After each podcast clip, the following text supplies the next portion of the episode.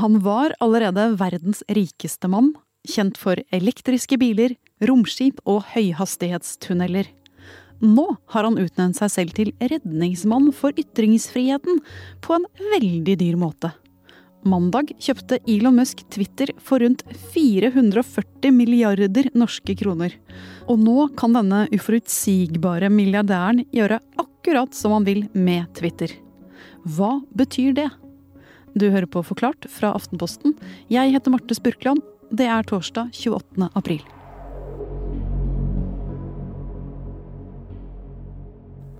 Ja, altså Da denne nyheten om at eh, Elon Musk hadde kjøpt Twitter ble kjent eh, på mandag, så ble jeg altså veldig overraska. Hadde jo skjønt at det var en mulighet, men ble likevel veldig, eh, ja, nesten sjokkert. Og jeg følger dem jo ganske tett, men altså, oppkjøpet er overhodet ikke typisk for Musk. Dette er Per Christian Bjørkeng. Han er teknologijournalist og har skrevet et forord og et kapittel i en biografi om Elon Musk. Og hvis han ble overrasket over Twitter-oppkjøpet, så er det ikke så rart om vi andre ble det.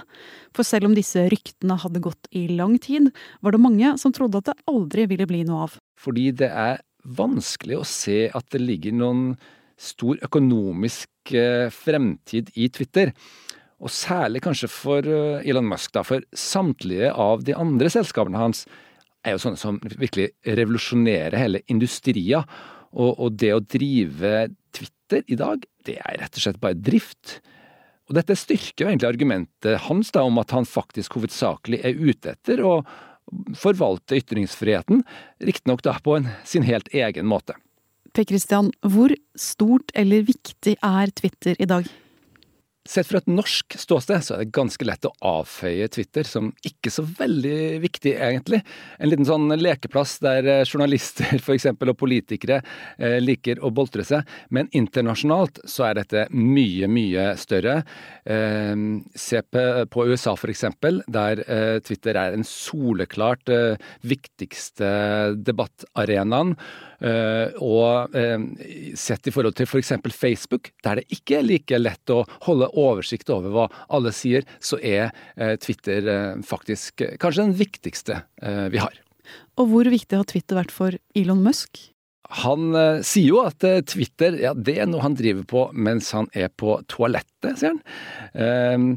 han sier at han kanskje bruker fem minutter daglig på det, har han vel også sagt. Og så skal vi Eh, dømme da ut ifra det han faktisk tvitrer, så er han jo eh, ganske utvungen og, og lite tilbakeholden eh, når han da sitter på dette toalettet. Og det er en, det er en blanding av forsøksvis han har sånn morsomme memes, så er det politisk uttalelse, og så er det helt klart markedsføring av selskapene hans. Helt sånn nye produktnyheter og sånne ting.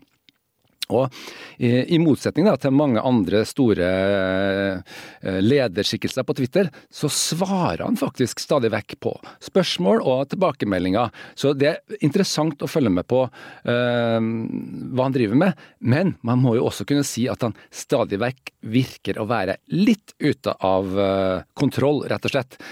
Og det er jo det som gjør det ganske spennende å følge med på. Man vet jo aldri helt hva som er alvor og hva som er ment som morsomheter. Og eh, det er jo umulig å avskrive noen svært overraskende uttalelser som han har kommet med, fordi at noen ganger så viser det seg at det man tror er en vits, det viser seg å være alvorlig ment. Og fordi det alltid er vrient å vite hva Musk faktisk vil, var også veien til oppkjøpet av Twitter kaotisk og full av vendinger.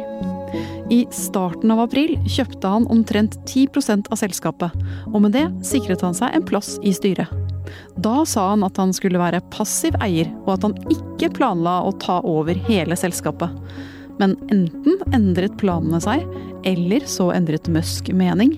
For etter noen dager ble det kjent at den styreplassen ville han jo ikke ha, og i midten av april la han en kjempesum på bordet og erklærte at han ville kjøpe hele Twitter. So, Elon, um, a few hours ago, you made an offer to buy Twitter.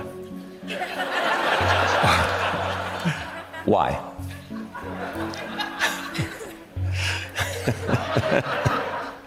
How'd you know? Dagen etter at budet ble lagt fram, snakket han om planene sine på scenen under en TED-talk. Og det er i dette intervjuet at vi finner noe av det lille håndfaste han har sagt om planene sine videre. Um, well, I think it's very important for uh, there to be an inclusive arena for free speech uh, where all, so, uh, yeah.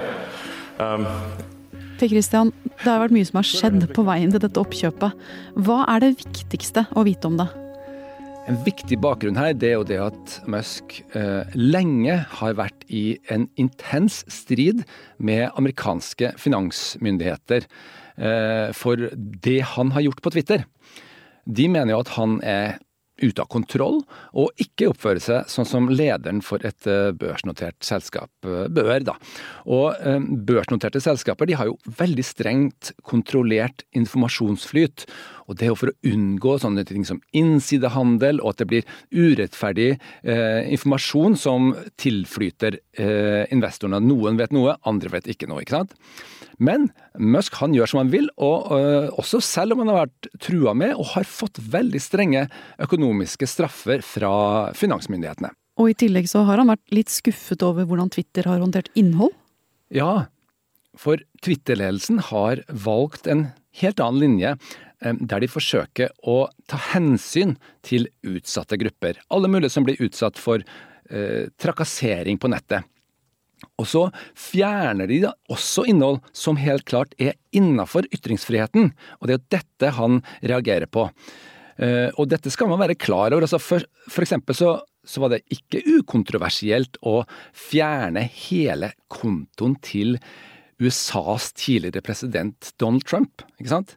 Dette var et aktivt redaksjonelt valg, og selv om det sikkert var populært her i Norge, så er det jo helt klart ikke ukontroversielt, og noe som man kan være uenig i. ikke sant? Og i tillegg så vil Musk gjøre som han selv vil, ikke sant? Han er mot statlig innblanding, og sånn sett så er han annerledes enn det mye av, eh, mange av teknolederne da, i, i USA er. Og det kan ha vært en av uh, grunnene til at han tidligere i år svarte på et spørsmål fra en uh, Twitter-bruker, uh, og sa da at han faktisk tenkte alvorlig på å skape sitt eget sosiale nettverk. Men så ble det altså noe helt annet, og veldig mye mer dramatisk, som han egentlig landa på. Ja, for så ble det slik. Mandag kveld kjøpte Elon Musk Twitter for omtrent 440 milliarder kroner. Uh, Twitter, uh, the president has long been concerned about the power of large social media platforms, uh, what they the power they have over our everyday lives. Det var president Joe Bidens pressesekretær, og reaksjonene på oppkjøpet har vært mange og sterke. For nå som Musk eier Twitter, kan han egentlig gjøre hva han vil med plattformen. Og hva det blir, er høyst uvisst. For bare én ting er sikkert om Elon Musk. Han er stort sett helt uforutsigbar.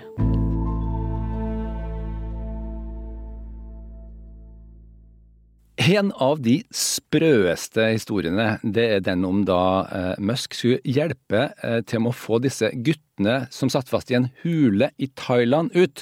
Og Tesla satte i gang stor, en stor eh, hjelpeoperasjon, som var veldig høyteknologisk selvfølgelig, men som mislyktes. Og da fikk han kritikk da fra en brite i Thailand som hadde deltatt i redningen. Og Musk følte seg rett og slett eh, ganske såra. Og da eh, anklaga han og tvitra at denne briten var en såkalt pedoguy. Eh, pedotype. Eh, og jeg husker eh, når jeg så det der, tenkte jeg at nå har han mista det helt. Det er en mulighet. Alternativt så har han dokumentasjon faktisk på at motstanderen er dømt for pedofili, som også var en, for så vidt var en mulighet. Men så viste det seg nei, han hadde ingen sånn dokumentasjon. Eh, og eh, ikke uventa så saksøkte jo denne briten eh, Elon Musk for ærekrenkelse, da. Under rettssaken argumenterte Musk med at det å kalle briten for pedoguy, det var en fornærmelse, ikke en faktaopplysning. Og dermed ble han frikjent, for det å fornærme noen, det er lov. Og nå har Musk kjøpt plattformen hvor denne fornærmelsen og mange andre skjedde, Twitter. Per Christian, hvorfor gjorde han det? Han sier at han ikke gjør det for penger, eh, og det tror jeg egentlig på, altså, fordi dette er jo ingen veldig vekstaksje.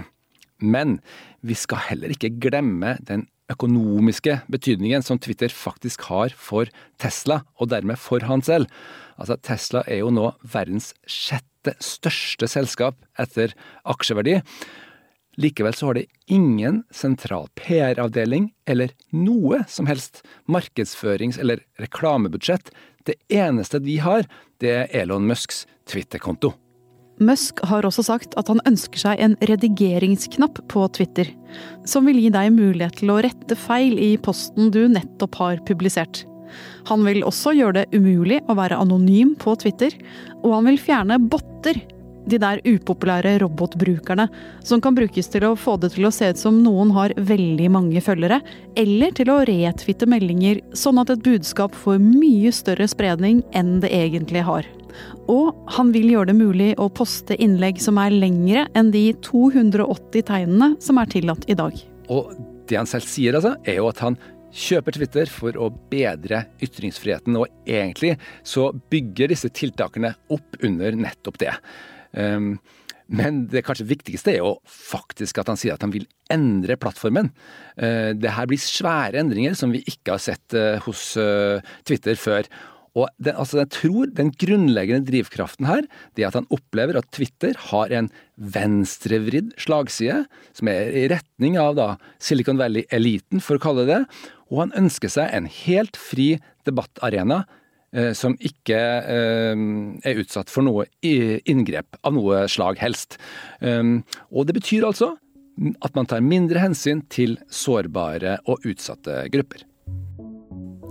Så vi vet altså litt om hva Elon Musk ønsker seg for Twitter, men vi vet lite om hva det vil bety i praksis.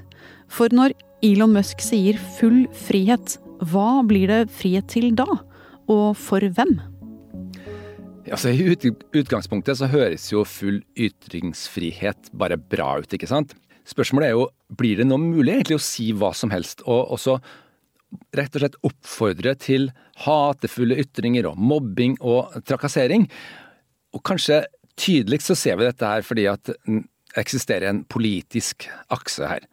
Det er jo da de som jubler over større ytringsfrihet på Twitter, og det er typisk i USA, sant? så er det da republikanere og nasjonalister og rett og slett høyresida av det politiske landskapet. Eh, litt annerledes enn vi kjenner det her, men sånn er det. ikke sant? Endelig skal de få si alt de vil. Og så, på den andre sida av aksen, så har du demokrater og eliten, gjerne, ikke sant? Som er da redde for at nå blir det fritt fram for både mobbing og netthets på Twitter. Så hvordan kan vi se for oss at Twitter blir, da, etter at Elon Musk har gått løs på det? Ja, Det er jo ikke så enkelt og entydig som at vi kan si at uh, Elon Musks uh, Twitter blir et helt vilt sted der alt står uh, og alt får stå. der alle kan fornærme hverandre. Et av Twitters største problemer det er jo at det er et for uvennlig sted for den jevne bruker. Eh, altså, Folk tar simpelthen for hardt i hverandre til at mange av oss orker å bruke noe særlig tid på det. Og det er kanskje den største utfordringa uh, uh, som han vil stå overfor. Altså gjøre Twitter til et vennligere sted. Og det spørs det om han har løsningen på. Og da er det viktig å sikre at vi faktisk vet hvem det er vi snakker med på Twitter, da? Ja, det er veldig viktig. Altså, jeg mistenker jo at denne typen manipulasjon, da, som egentlig både sånne botter og inautentiske, anonyme brukere står for, at det har en stor del av ansvaret for at Twitter har blitt et så sånn nådeløst og uforsonlig sted. Og samtidig så, så er det ikke så enkelt eh, som å si at ja, bare vi blir kvitt dem, så vil alle være snille og greie. Eh, så vet alle hvem vi er, og alle er venner, ikke sant. Folk har noen ganger et ønske om å fornærme hverandre, og det er altså Musk selv et eksempel på. Og så vet vi simpelthen ikke hvilken retning dette vil gå i foreløpig. Det eneste vi kan si med sikkerhet, det er at det her oppkjøpet det kan føre til en av de største endringene hittil i Twitters historie.